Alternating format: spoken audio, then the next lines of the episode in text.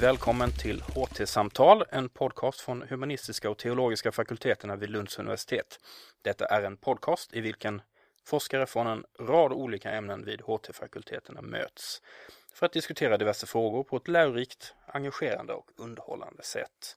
Jag som leder detta samtal heter Martin Degrell. Jag jobbar som fakultetssekreterare vid HT-fakulteterna och är utöver detta även verksam som kulturskribent. Och idag har jag tre gäster med mig här i studion. Katarina Bernhardsson, forskare i litteraturvetenskap. Elisabeth Järle, professor i etik vid CTR och dessutom etiker vid Svenska kyrkans forskningsenhet. Och Lars-Erik Jönsson som är professor i etnologi. Välkomna! Tack så mycket!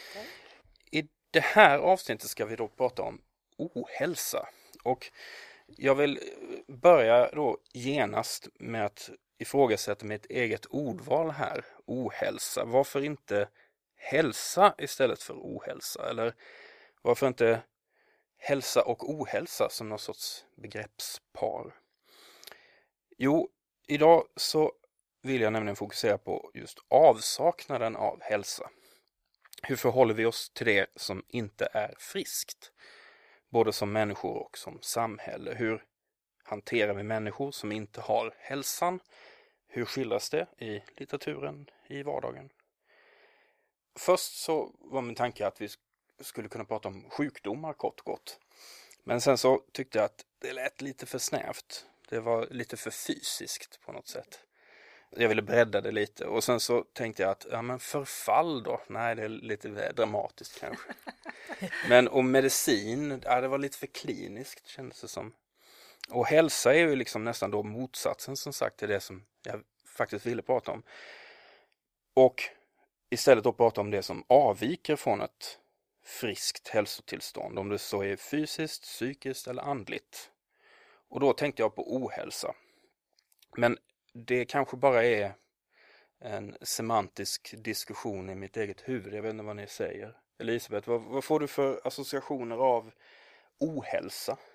Jag tycker det är bra att prata om ohälsa därför att vi, om man tänker på WHO, Världshälsoorganisationen, så har de ju en definition av hälsa som är så stor att det blir nästan lite utopiskt. Att eh, det är nästan ingen av oss som lever upp till det. Jag kan citera den här. Världshälsoorganisationen sa alltså 1948 Hälsa är ett tillstånd av fullkomligt fysiskt, psykiskt och socialt välbefinnande, inte endast frånvaro av sjukdom. Nej, precis. Det var väldigt bra att du hade det, för jag hade inte letat fram det, det just nu. Det men jag har använt det ibland när jag undervisat just om i global hälsa. Och eh, det blir för stort på något sätt. Det är ju ingen av oss som kan säga att man har ett fullkomligt välbefinnande alltid. Och för mig så, när jag tänker kring ohälsa så tänker jag att sårbarhet hör till livet.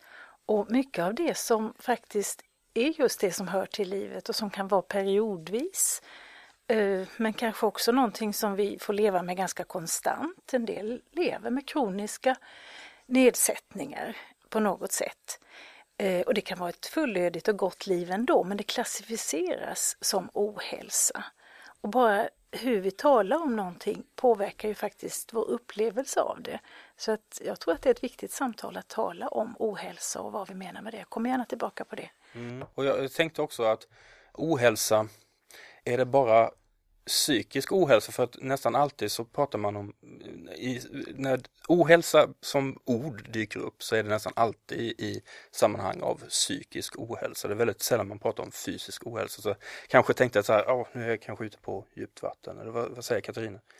Ja, men det handlar väl om att eh, vi kanske i viss mån eh, låter sjukdom stå för dem där det finns någon form av fysisk evidens. Alltså det finns ett organ som man har fel på. Eh, och det är kanske därför du kände att det kändes lite snävt också. Medan ohälsa är så mycket bredare, att det handlar om människan i sin eh, tillvaro, i sitt sammanhang på något sätt. Ohälsa känns ju mycket bredare och mycket lättare också att eh, ha med någon slags andlig dimension som du nämnde jämfört med, med sjukdom. Lars-Erik, jag vet att du har ju intresserat dig en del för eh, psykiatrins historia, inte sant? Mm. Alltså där, där kan man ju prata om då eh, ohälsa i, i termer av liksom vad ska man säga, avvikande beteenden. beteenden. Ja. Jo, eh, alltså när jag tänker på mitt material som sträcker sig ner i mitten på 1800-talet så har jag inget, det ringer inga klockor när du pratar om ohälsa. Däremot eh, om man läser i massmedia och man pratar om ohälsa idag så, så tror jag att du har en poäng att det, associationsbanorna går gärna till eh, psykisk, eh, psykiska tillstånd av något slag. Men i mitt material så ser jag nästan inte hälsobegreppet överhuvudtaget. Utan där är snarare ohälsa eh, synonymt eller används, eh, där används ordet sjuk, sjukdom. Alltså det är väldigt hårt, hård emfas på det sjuka och det friska naturligtvis. Men alltså det är ju det sjuka som man behandlar i, i denna psykiatri som jag har intresserat mig för. Men att det sjuka har kommit så i centrum, det har blivit så omtalat, beror inte det på att hälsa har blivit ett sorts övergripande värde för det goda livet. Inte bara som en, ja, nästan som en sorts frälsningsideal om man ska tala teologiskt språk. Men vi måste vara friska och hälsosamma, ha hälsa och kontrollera vår hälsa väldigt mycket. Vi ska göra massa saker för att ha det här perfekta tillståndet och då blir ju allting annat som inte är perfekt, det blir alltså motsatsen. Ohälsa. Jag, jag håller med att det blir någon slags det allt överordnade goda eh, i någon slags hierarki. Det finns ett citat jag tycker mycket om som visar lite grann på skillnaden mellan ohälsa och sjukdom som är, går någonting i stil med hälsa är för viktigt för att eh, kastas bort bara på de friska. Att, att, att kunna uppleva, att kunna vara i ett sammanhang och kunna göra de saker man vill göra och på så sätt kunna ha ett, eh, ett eh, friskt liv, man ska säga. det är inte detsamma som, som om man har sjukdom eller inte. Det finns till exempel eh, ett sånt, eh, det är ju inte ett nytt citat, men jag såg på bokmässan att det hade kommit ut en ny bok där eh, Eh, patienter eller människor som har neurologiska sjukdomar har skrivit om sina berättelser som heter Jag har en sjukdom men jag är inte sjuk. Alltså där någonstans att liksom begreppet sjuk och frisk och hälsa och ohälsa har blivit så stora så att man måste separera eh, sig från det. Man, att inte, man inte vill låta sjukdomen få ta över och bli en för stor del av, av ja, rätt mycket av den egna identiteten, hur man identifierar sig. Jag tänker lite på Birgitta Odén som var professor i historia här, den första tror jag, eh, kvinnan som var professor i historia. hon skrev om hälsa som livsvärde som hade blivit fått alltså nästan religiös betydelse. Att det var det vi strävade efter och när vi inte hade det så var det som att då föll vi ur det här riktiga goda livet. Så att det hade blivit väldigt, fått väldigt stor betydelse. Man kan ju säga att det är ett slags återgång till ett förmodernt samhälle där hälsa och ohälsa hade religiösa betydelser. Mm där ohälsan eller sjukdomen var betraktas som ett, ett slags eh, straff, Guds straff för en ändå, dåligt liv eller dåliga handlingar. Det är ju lite komiskt när du säger det mm. för mig som ändå är teolog att de här som kommer och frågar Jesus för om det är de eller barnet som har syndat eftersom han är född blind och så avvisar Jesus det helt och hållet. Mm. Och det är ju verkligen förmodernt kan man säga, det har 2000 år på nacken men det har haft svårt att tränga igenom. Där håller jag med dig. Man har verkligen velat se det, kanske som ett sätt att försöka förklara sjukdom. Vad beror det på? Förklara lidandet. Det vill vi ju alla hitta någon sorts mening i det. Och då ligger det här med att det är någon sorts straff väldigt nära till hands. Men det är ju en av, det är en av de stora sakerna som händer med den moderna medicinen, att man lyfter ut tro och religion från förklaringsmodellen och, och eh, plockar in kroppen istället, eh, skulle jag vilja säga. Att det, det är kroppen som både är uttrycket för hälsa eller ohälsa, sjukdom eller friskhet. Men det är också i kroppen som man kan söka dess orsaker och även dess bot. Och då kan man hitta, man kan ta, testa det, man kan finna evidens. Men nu är själen på väg tillbaka, nu talar psykiatrikerna om, har vi inte någon själ? Mm. Ja, jag menar mm. att det går runt det här, mm. alltså det är inte så enkelt. Jag tycker alltså alltså hälsobegreppet eh, i takt med att då den moderna medicinen växer fram borde det inte ha blivit liksom nästan lite inflation i, i det med tanke på att om då förr så är du sjuk så är det ett tecken på liksom svaghet och, och sådär men om, om vi allt mer botar sjukdomarna då blir ju på något sätt, jag, jag, jag försöker liksom få ihop de här olika, att eh, liksom hälsa som ett normaltillstånd borde vara vanligare nu med tanke på att förr så drabbades man mycket mer av sjukdomar som man, man inte kunde bota. Fast vi kan ju också vända på det och säga eftersom att vi kan bota eller i alla fall upprätthålla eh, liv så har vi mycket flera människor som har en sjukdom och ändå lever. Eh, så att vi skulle kunna säga att vi är sjukare än någonsin istället tack vare medicinen. Och vi lever längre. Vi Inte lever helt längre. perfekt friska men vi lever längre med våra sjukdomar eller en viss ohälsa. Men kanske inte alls icke meningsfulla liv. Man kan ju också lägga till eh, naturligtvis eh, välkända fenomenet medikaliseringsprocesser där allt fler mänskliga tillstånd blir föremål för medicinskt tänkande, diagnostiserande, behandlande etc. Så det, det är också en, eh, en sida av det du, det du nämner. Jag läste just igår en artikel om att var tredje arbetslös klassificeras som funktionsnedsatt. Och det har tydligen skett i samband med att väldigt många eh, fördes över från Försäkringskassan till arbets... Arbetsförmedlingen. Mm. Och där blev det då en klassifikation funktionsnedsatt. Jag råkade läsa det precis inför det här samtalet och tycker det säger väldigt mycket. Men där har jag en intressant parallell faktiskt. För jag har funderat rätt mycket på eh, de här stora psykiatriska anstalterna som jag har studerat. Eh, jag har studerat även annat men, men eh, vad var det som var alla dessa människors gemensamma nämnare? Och det enda jag kan liksom ha kommit fram till det är att det handlar om försörjningsduglighet, alltså eller bristande försörjningsduglighet. Sen hade de, var och en hade olika saker, eh, annat också, va? men det som faktiskt för dessa människor samman, det handlar om försörjningsduglighet. Så det är en absolut mm. parallell till det du säger. Va? Och det tror jag är en oerhört viktig ja. tråd att fundera kring när man talar om glömma. hälsa och ohälsa. Vad är det man menar? Likadant när man talar om normalt och inte normalt. Ja. Det finns de här, vad är det samhället plötsligt kräver av oss? Mm. Och då är det att vi ska vara produktiva, att vi ska kunna försörja oss egentligen. Och beroende på hur man formulerar den produktiviteten så kan väldigt många fler plötsligt hamna i mm. icke-normalitet. Precis.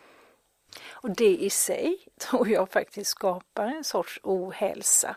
Därför att känna, uppleva det att man inte passar in, att den jag är och ja, det är ju naturligtvis ett idealtillstånd som man kan drömma om men ibland tänker man sig att den gamla byn hade plats för lite olika funktioner. En del var lite mindre utvecklade på något och bättre på någonting annat och en del var kanske lite inte sådär jätteflinka på någonting, men det fanns någon sorts plats och utrymme för människor. Och nu låter det som jag romantiserar, det vill jag inte göra, men jag tror ändå att vårt samhälle har slimmats, arbetsplatser och produktionssystemen så hårt att väldigt många passar inte in.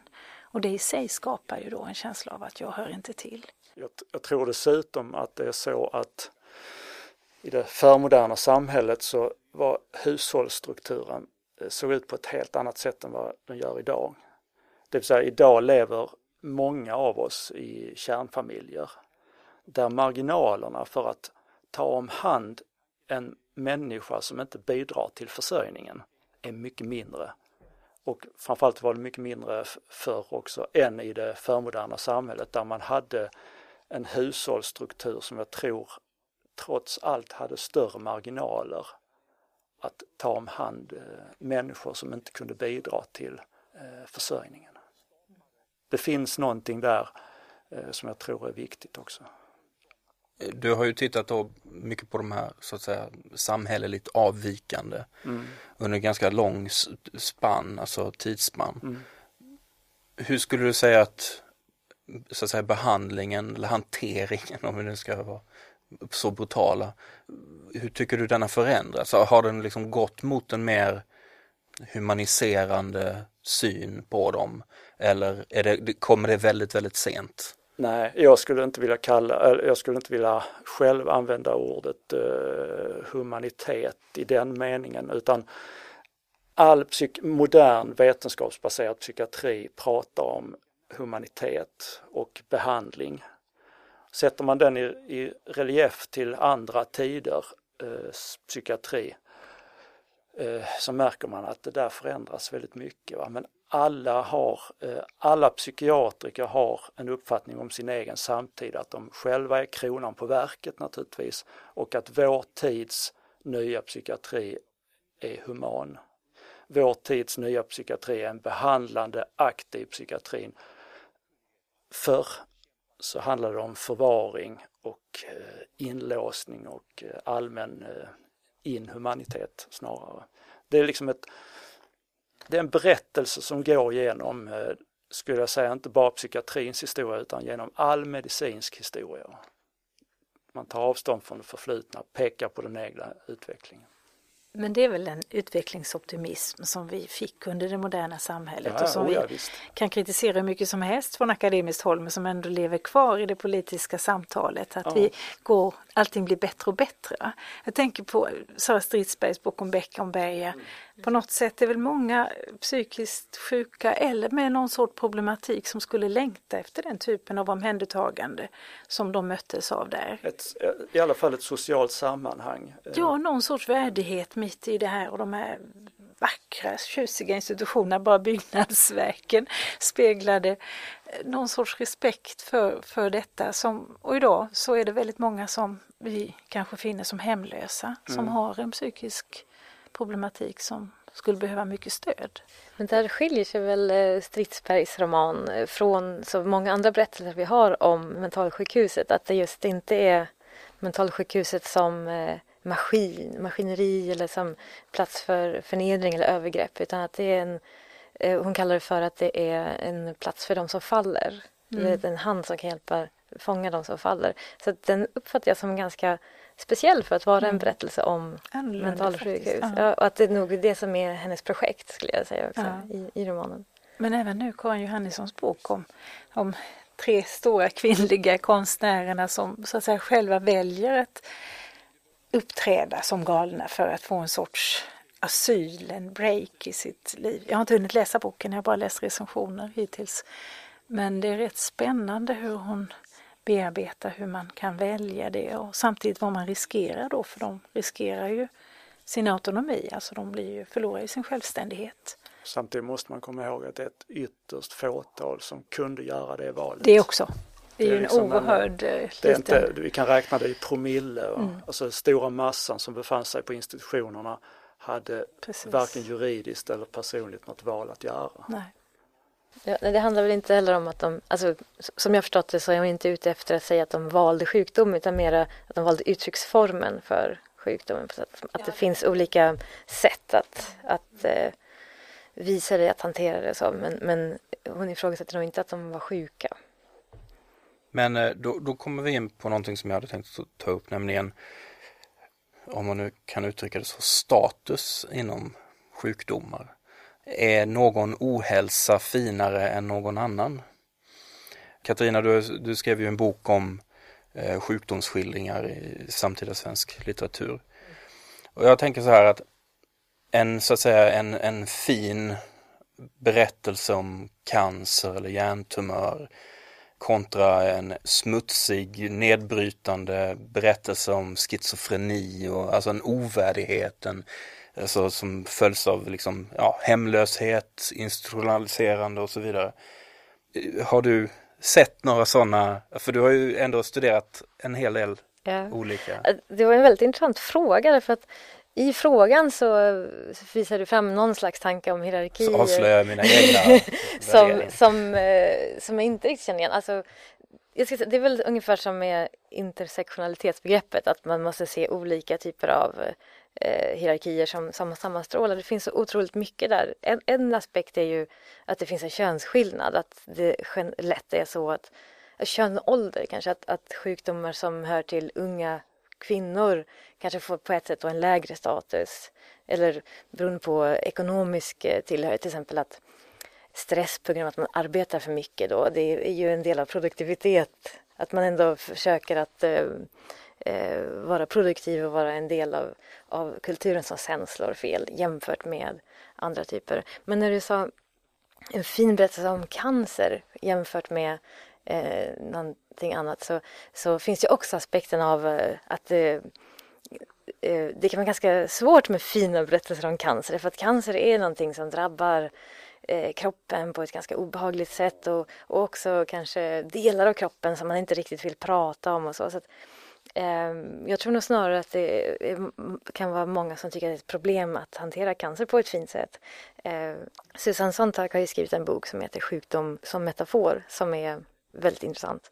Ehm, och hon kontrasterar då tuberkulosen mot cancern och menar att tuberkulosen som framförallt ses som någonting som drabbar andningen, lungorna, livet då kan mycket mer låna sig till det vackra och det estetiska än cancer som drabbar verkligen kroppen, köttet, eh, kanske mage, kö könsdelar och så.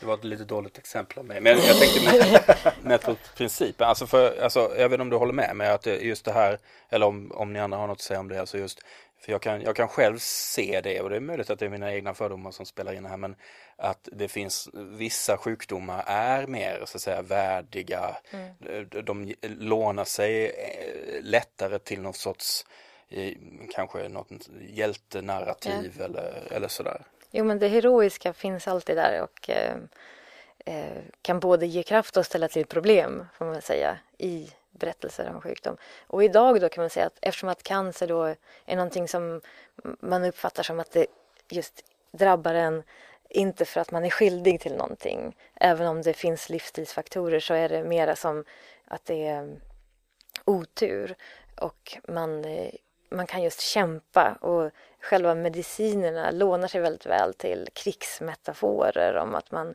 eh, det är cellgiftbehandling, det är strålning, man, man kan liksom alliera sig med medicinen mot sjukdomen och så. Så kan det bli en sorts hjälteberättelser. Och att det nog eh, kanske är, alltså det här är en förskjutning jämfört med när Sontag skrev sin bok skulle jag säga. Just att övervinna cancer har blivit då kanske då det som du tänker på som det här finare eller värdigare. Men jag tycker det är oerhört förtryckande också. Det här språket att eh, hon vann ja. sin kamp mot, ja, eller, hon vann slaget mot cancer. Ja, eller förlorade, och, förlorade. en lång tapper Ja, och kamp. i det språket, krigsmetaforiken som du säger, så ligger ju precis det här att du har själv ansvar för det. Och en, väldigt många cancerformer som man kan drabbas av utan från den ena ögonblicken till det andra eh, kan vi egentligen inte göra någonting åt. Medicinen har inte lyckats komma dit än. Man upptäcker vissa cancerformer för sent och då är man ganska chanslös. Och jag, jag, tycker det är så, det är att lägga ytterligare sten på börda med det språket så jag vänder mig ofta när jag är ute och talar jag har precis mm. skrivit en bok om sinnlighet och Luther mellan kroppskult och kroppsförakt. För det är någonstans, vi hamnar i de här båda ytterligheterna att antingen så dyrkar vi kroppen som ska vara vältränad och stark och hälsosam och vacker och ung och fitt och alltihop det här. Eller då är någon sorts förakt för den sårbara kroppen som både den som är för liten för att klara sig själv men också den som är för gammal eller för sjuk som behöver hjälp. Alltså vi har ett väldigt starkt behov av självständighet och autonomi tror jag i vårt samhälle. Mm, och då blir de här ytterligheterna speglingar av det. Alltså jag tänker också på det finns ju många eh, sjukdomar som, som inte lånar sig till något heroiskt eh, eh en heroisk kamp. Alltså jag, jag tänker, du pratar om ålder, ja, visst men hög ålder, åldersdemens till exempel, lånar sig sällan till vackra berättelser utan snarare tvärtom. Alltså man ser att eh, ett mänskligt liv, eh, det blir spillror kvar bara av det på något sätt. Även om kroppen finns så är allting annat i, i spillror. Claes Andersson hade en så rolig kommentar i bokmässan nu nyligen. Han har kommit med en diktsamling som delvis skildrar hans eget åldrande. Och så här, ja, man märker när man inte går med händerna i byxfickorna nerför trappan. Därför att man behöver hålla sig i ledstången. Mm. Alltså, och det är ju inte något eh, katastrofalt med det.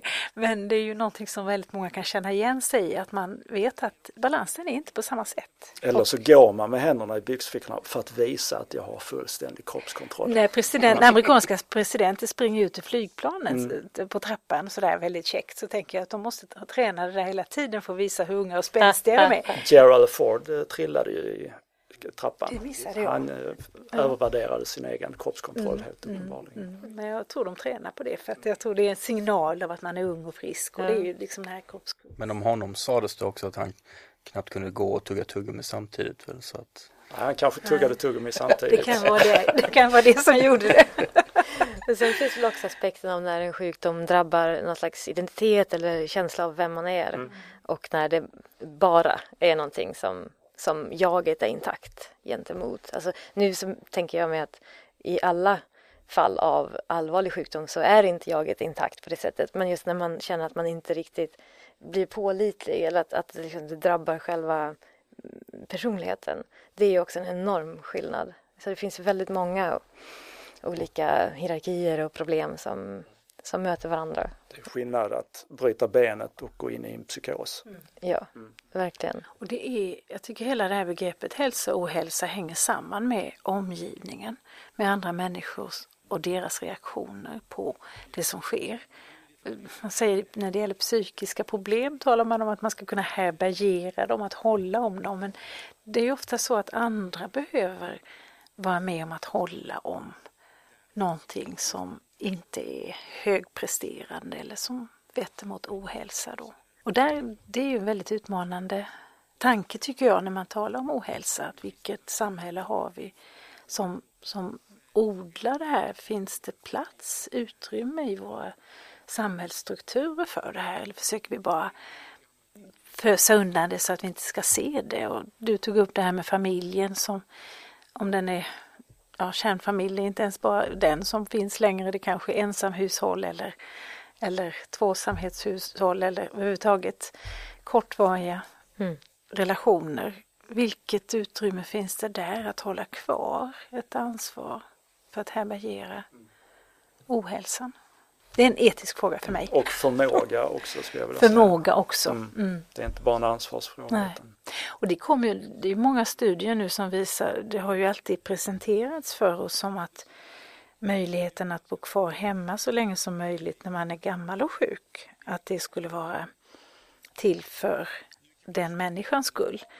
Eh, Och så visar det sig att många gamla blir deprimerade, inte bara därför att de inte vårdas tillräckligt bra i hemmet, men de är helt enkelt för ensamma. Det räcker inte med ett antal ständigt nya vårdare som kommer in och gör vissa saker men det finns ingen gemenskap, ingen, inte ett leende, inte en känsla av att man hör till någonstans. Jag- skulle vilja säga att eh, jag vänder mig verkligen mot eh, den här sortens återställarpolitik där man ser en eh, ny institutionspark under uppbyggnad. eh, Men däremot så tror jag också att hemmet är extremt övervärderat som vårdplats. Och det där måste man ta på allvar på Ja. något sätt för att hemmet tycks vara en, eh, det högt övervärderat och- Men det är dessutom det vårdekonomiska eh, mest värderade alternativet. Det, det ska man inte glömma heller utan det finns vårdekonomi bakom den Ja, jag tror det ligger mycket, Mm. nästan bara, höll jag på att säga. För det verkar Ja. ju mer man får veta om de andra effekterna för den som blir vårdad. Mm. Och det jag tänker länge har det ofta varit så att det har varit, funnits ett genusperspektiv i det här också, att det är många kvinnor som har vårdat sina äldre män. Mm. Som har gjort enorma insatser, men hur har deras liv sett ut? Mm, en klassisk kvinnofälla skulle jag Ja, vilja säga. ja Mm. precis. Så att det finns mycket att titta på och skärskåda där. Jo, jag tänkte byta spår här lite och höra med er. Vi har redan fått lite, lite exempel på det under samtalet här, men eh, på vilket sätt som forskning från eh, humanistiskt teologiskt håll kan samarbeta med medicinska fakulteten till exempel eller vårdvärlden så att säga. Eh, Katarina, jag vet att du, du är ju engagerad i ett nätverk, inte sant? Jag tror att du tänker på ett nätverk som handlar om eh, studier i narrativitet och medicin. Men jag vet att du undervisar på, Ja, ja på jag- Medfack, inte sant? det stämmer. Jag undervisar Jag på... lite rätt i alla fall. Ja, jag undervisar på läkarprogrammet i litteratur då helt enkelt. Och eh, för där kommer det in att när, när man pratar, istället för att prata om ohälsa, man pratar om hur vi kan eh, bidra så är det ju på så många olika nivåer. Så att det handlar ju om eh, vi, vi talade om att hela samhället är så produktivitetsinriktat och så. Alltså det handlar om att analysera till exempel medicinen som en eh, kulturell kraft kan man säga. Eh, men, men sen finns också ett mycket mera eh, insnävat eh, sätt att göra det och det är det som vi gör då på läkarutbildningen. Alltså att, att använda humanistiska perspektiv och litteratur just i utbildning av läkare för att ge ett utrymme för reflektion, diskussion eh, av mänskliga möten, mänskliga villkor eh, som ju då blir eh, väldigt, väldigt mycket mer fokuserat jämfört med den stora bredden eh, som vi kan bidra med. Det finns ganska lite utrymme för den typen av eh, reflektion och fria seminarier som vi på humanistisk teologisk fakultet är så vana vid. Det finns väldigt lite utrymme för det på medicinsk fakultet och att när det verkligen lyckas, vilket ju handlar om många saker. Det handlar ju om både läraren och om studenterna och gruppstorlek. Och liksom. När det verkligen lyckas så, så händer någonting. Eh, nästan elektriskt i luften eh, som, som, som jag uppfattar att, de, att det verkligen finns en brist på på läkarutbildningen. Att få det här fria förhållningssättet att kunna eh, diskutera saker utan att man måste inta en position av att man är den som är läkare i situationen. Utan man kan försöka pröva olika perspektiv. Och där är det då eh, berättelser eh, och upplevelser och erfarenheter som står i centrum. Eh, ja, jag vet inte om det blir helt tydligt. Jo då, det är, absolut. Vad säger ni andra? Vad har ni för liksom, erfarenheter av, av så att säga, humaniora och teologi när det liksom möter medicin? Jag tycker det blir mer och mer intresse för de där mötesplatserna. Jag sitter och tänker på medicinhistoriska seminariet som du och jag har mötts på. Du var en av föreläsarna vid ett sådant tillfälle. Och det kom något förslag från Herman Holm som är före detta chef för psykiatrin i Malmö och den har ju inte det bästa rykte just nu vad vi vet från tidningsreportage i alla fall. Och han hade sagt upp sig i protest mot förhållandena. Och så ville han att man skulle ta upp det här och titta på var finns själen i psykiatrin? Vi talar inte om det här. Det är ett exempel på hur det finns de här mötesplatserna, att man faktiskt vill tala om saker som man länge inte har talat om.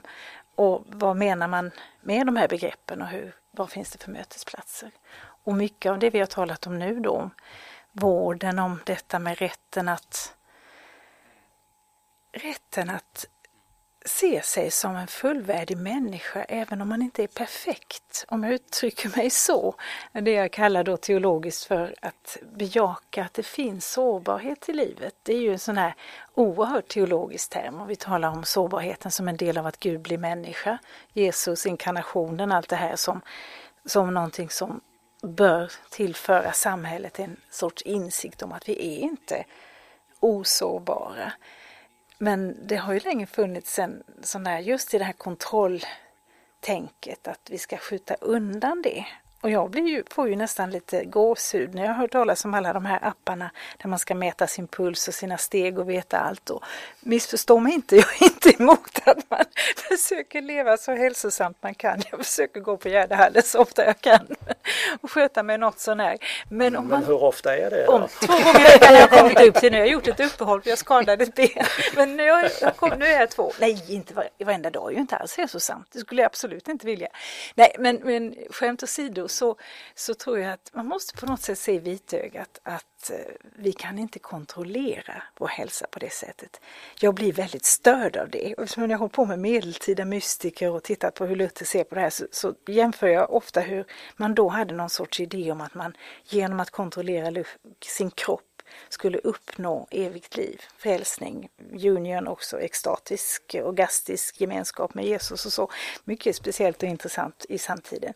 Men det fanns ju ett oerhört behov av kontroll i det här som jag inte känner mig attraherad av personligen. För det på något sätt förnekar just det här att det, livet är inte helt kontrollerbart. Som en läkare sa till mig närstående vän, han sa att första föreläsningen var det någon som kom in och sa hur stor är dödligheten? Mhm. Alla medicinstudenter tittade fullständigt häpet och alla var svarslösa. Och då sa professorn 100 procent. Men alltså det är svårt att ta in för en läkare som ska bota, det är ju liksom själva idén. Då blir det ett misslyckande. Jag, jag tror också med erfarenhet av det vi håller på med på vår ja, institution och vårt ämne också, etnologi, så tror jag att eh, frågan om upplevelse av ohälsa är ett sådant här centralt eh, område för oss. Där man kan sätta in eh, ohälsa, lidanden av olika slag i en större kulturell kontext utanför den strikt medicinska. Det tror jag är liksom en jätteviktig uppgift för all humaniora i princip. Mm. Som kulturhistoriker så är jag väldigt intresserad av också att sätta in nutiden i någon slags historisk relief också. Att ställa frågan, men hur kunde det bli så här?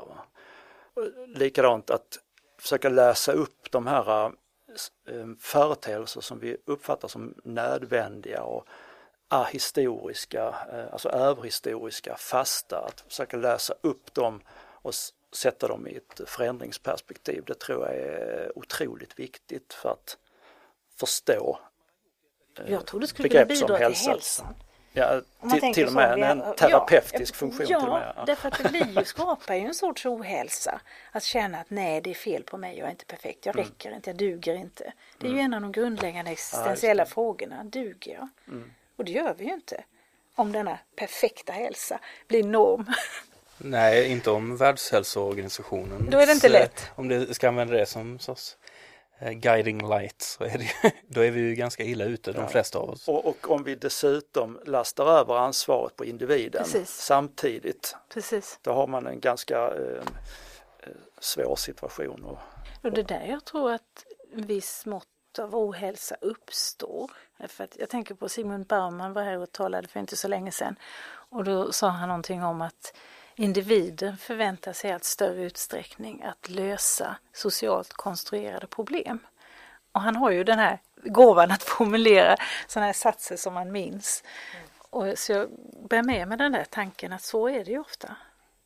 Att vi ska plötsligt fixa det själva som individer fast mm. vi inte har skapat de här problemen eller gjort om strukturerna på det sättet att det landar på oss. Men det här äh, idén om det perfekta eller det kanske är lite för hårt men ändå att normen är alltså någonting som är ett väldigt eh, lyckosamt eh, ett lyckosamt liv ändå uppfattas som norm och då eh, brott mot det som något avvikande. Det kan man se också ganska tydligt i den här typen av berättelser om sjukdom som, som har, där man berättar om sin egen sjukdom, alltså självbiografiska berättelser om sjukdom som ju är eh, någonting som det förekommer allt fler av Eh, av många olika skäl. Eh, bland annat att ehm, självframställningar är så eh, aktuella hela tiden nu. Det är någonting som vår kultur intresserar sig mycket för. Men också för att det finns en, så många fler medier att göra det i. Alltså det finns en sån demokratisering av att förmedla sina erfarenheter genom nätet och så. Och där blir det väldigt tydligt hur ofta det är just sjukdomen som är själva grundorsaken till att berättelsen blir skriven. Alltså att så länge man följer det som man uppfattar som normen så finns det inte så, så mycket att säga kanske. Men när detta fall från normen, den här avvikelsen på livsbanan inträder så är det någonting som måste berättas för att det blir ett sätt att hantera det. Och det tycker jag liksom bara förstärker hur, hur stark normen är när man ser den här typen av berättelser. Mm. Eh, vi ska ta avrunda här snart.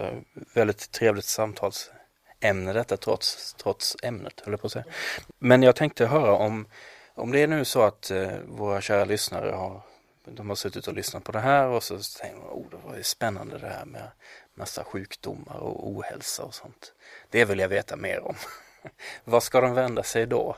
Katarina, har du något tips? Ja, jag hade tänkt att jag skulle säga någonting om en novell för jag som litteraturvetare är alltid roligare att gå till litteraturen snarare än till vetenskapen.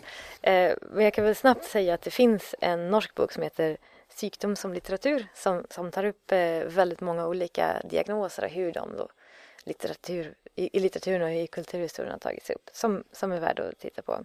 Men jag skulle hellre vilja ta upp då, eh, och så tänkte jag en novell för att eh, då kanske faktiskt någon hinner läsa den. Och den är väldigt bra eh, och intressant och den fungerar också väldigt väl i eh, pedagogiskt sammanhang. Och den heter Den gula tapeten eller The Yellow Wallpaper skriven av en amerikansk författarinna som heter Charlotte Perkins Gilman på 1890-talet. Och det är en novell där en jag-berättare eh, som i, från början verkar fullständigt normal sakta förändras. Så det är en slags en kombination av en gotisk skräckberättelse hon är i ett hus eh, där den här gula tapeten börjar påverka henne på olika sätt. Eh, och hon, hon, får ganska stora identitetsproblem också. Eh, så man kan se det som en, en skräckberättelse, man kan se det som en berättelse om att gå in i en psykos. Och man kan också se det som en berättelse om eh, kvinnans roll i samhället. Så det finns enormt många olika lager som alla eh, möts i just den här den gula tapeten. Så den, och den, finns, den är så gammal så den finns då fritt tillgänglig på nätet. Mm, tack för det. Elisabeth, har du något tips? ja, jag nämnde Claes Anderssons diktsamling som jag precis började läsa men som jag skulle kunna tipsa om. Och jag tänkte faktiskt innan det här samtalet just med tanke på strukturen, alltså fundera lite kring Roland Paulsen, Vi bara lyder. Det här liksom på något sätt försörjningsbiten har ju blivit så fokuserad, arbetslinjen som det heter så vackert, så att den som inte som är arbetslös och som inte får några jobb känner sig onormal på ett sätt som skapar ohälsa. Och vad jag förstått så matchar ju inte Arbetsförmedlingen folk som vill ha jobb med ett jobb utan det är mycket annat man håller på med för att det ska inte vara för trevligt att vara arbetslös ungefär. Och då blir det ju ganska absurt hela situationen. Så det kan väl vara ett lästips. Men sen tänkte jag på något väldigt enkelt, banalt också bara sådär, on top of my mind. Och det var, jag har alltid tyckt om Lotta på Bråkmakargatan. Hon är busig, liten tjej. Men jag tycker att Astrid Lindgren, vars dotter Karin nu var på Bokmässan för övrigt, att hon har alltid sådana här livsvisdomar att förmedla. Jag tänker på den här berättelsen som börjar med Idag gjorde vi tant Berg glad två gånger. Först när vi kom och sen när vi gick. då hade de ställt till hur mycket bus som helst hos det gamla tant Berg som började närma sig de 90, repat upp hennes stickning och ramlat ut genom fönstret. Och ni vet sådär. Och plötsligt så kan man känna igen sig både som den lilla flickan och som en tant som faktiskt tänker att skönt att de gick. Tack så mycket. Lars-Erik? Jo, nej, jag har eh, intresserat mig rätt mycket för upplevelse av sjukdom också eh, senaste åren och inte minst psykisk ohälsa då. Och eh, mitt tips är också från eh, ja, skönlitteraturen eller vad man nu ska kalla, kalla det. Jag tänker på Beate Grimsrud, en, en dåre fri, som jag tycker är en, bland det bästa jag har läst om eh, att leva med psykisk ohälsa och att hantera de problem som uppstår. Det, det är otroligt, Eh, en otroligt stark eh, skildring och skickligt skriven också. Så den, den eh, är man intresserad av det ämnesområdet så skulle jag starkt rekommendera den. Tack så mycket. Och därmed så är det dags att avsluta denna upplaga av HT-samtal. Om du vill veta mer om den forskningen som pågår här på HT-fakulteterna så går det bra att besöka oss på webben ht.lu.se. Vi finns även på Facebook såklart. Där heter vi Humaniora och teologi vid Lunds universitet. Och om du har åsikter om programmet, gärna positiva, så får du mejla dem till mig martin.degrell kansliht.lu.se. Nu kommer jag inte få en enda, ett enda mail bara för att jag eh, strulade till den adressen. Kommer du få väldigt många. Eller väldigt många. Mm. Tack så hemskt mycket för att ni ville komma hit. Katarina Bernhardsson, Elisabeth Järle, Lars-Erik Jönsson. Vi spelar in den här podcasten i Humanistlaboratoriets larmstudio på Lux. Och innan ni blir oroliga så står alltså larm för ljud, animering, rörlig bild och musik. Peter Roslund har varit tekniker. Vår signaturmelodi görs av Graham Bowl. Jag heter Martin Degrell och vi hörs snart igen.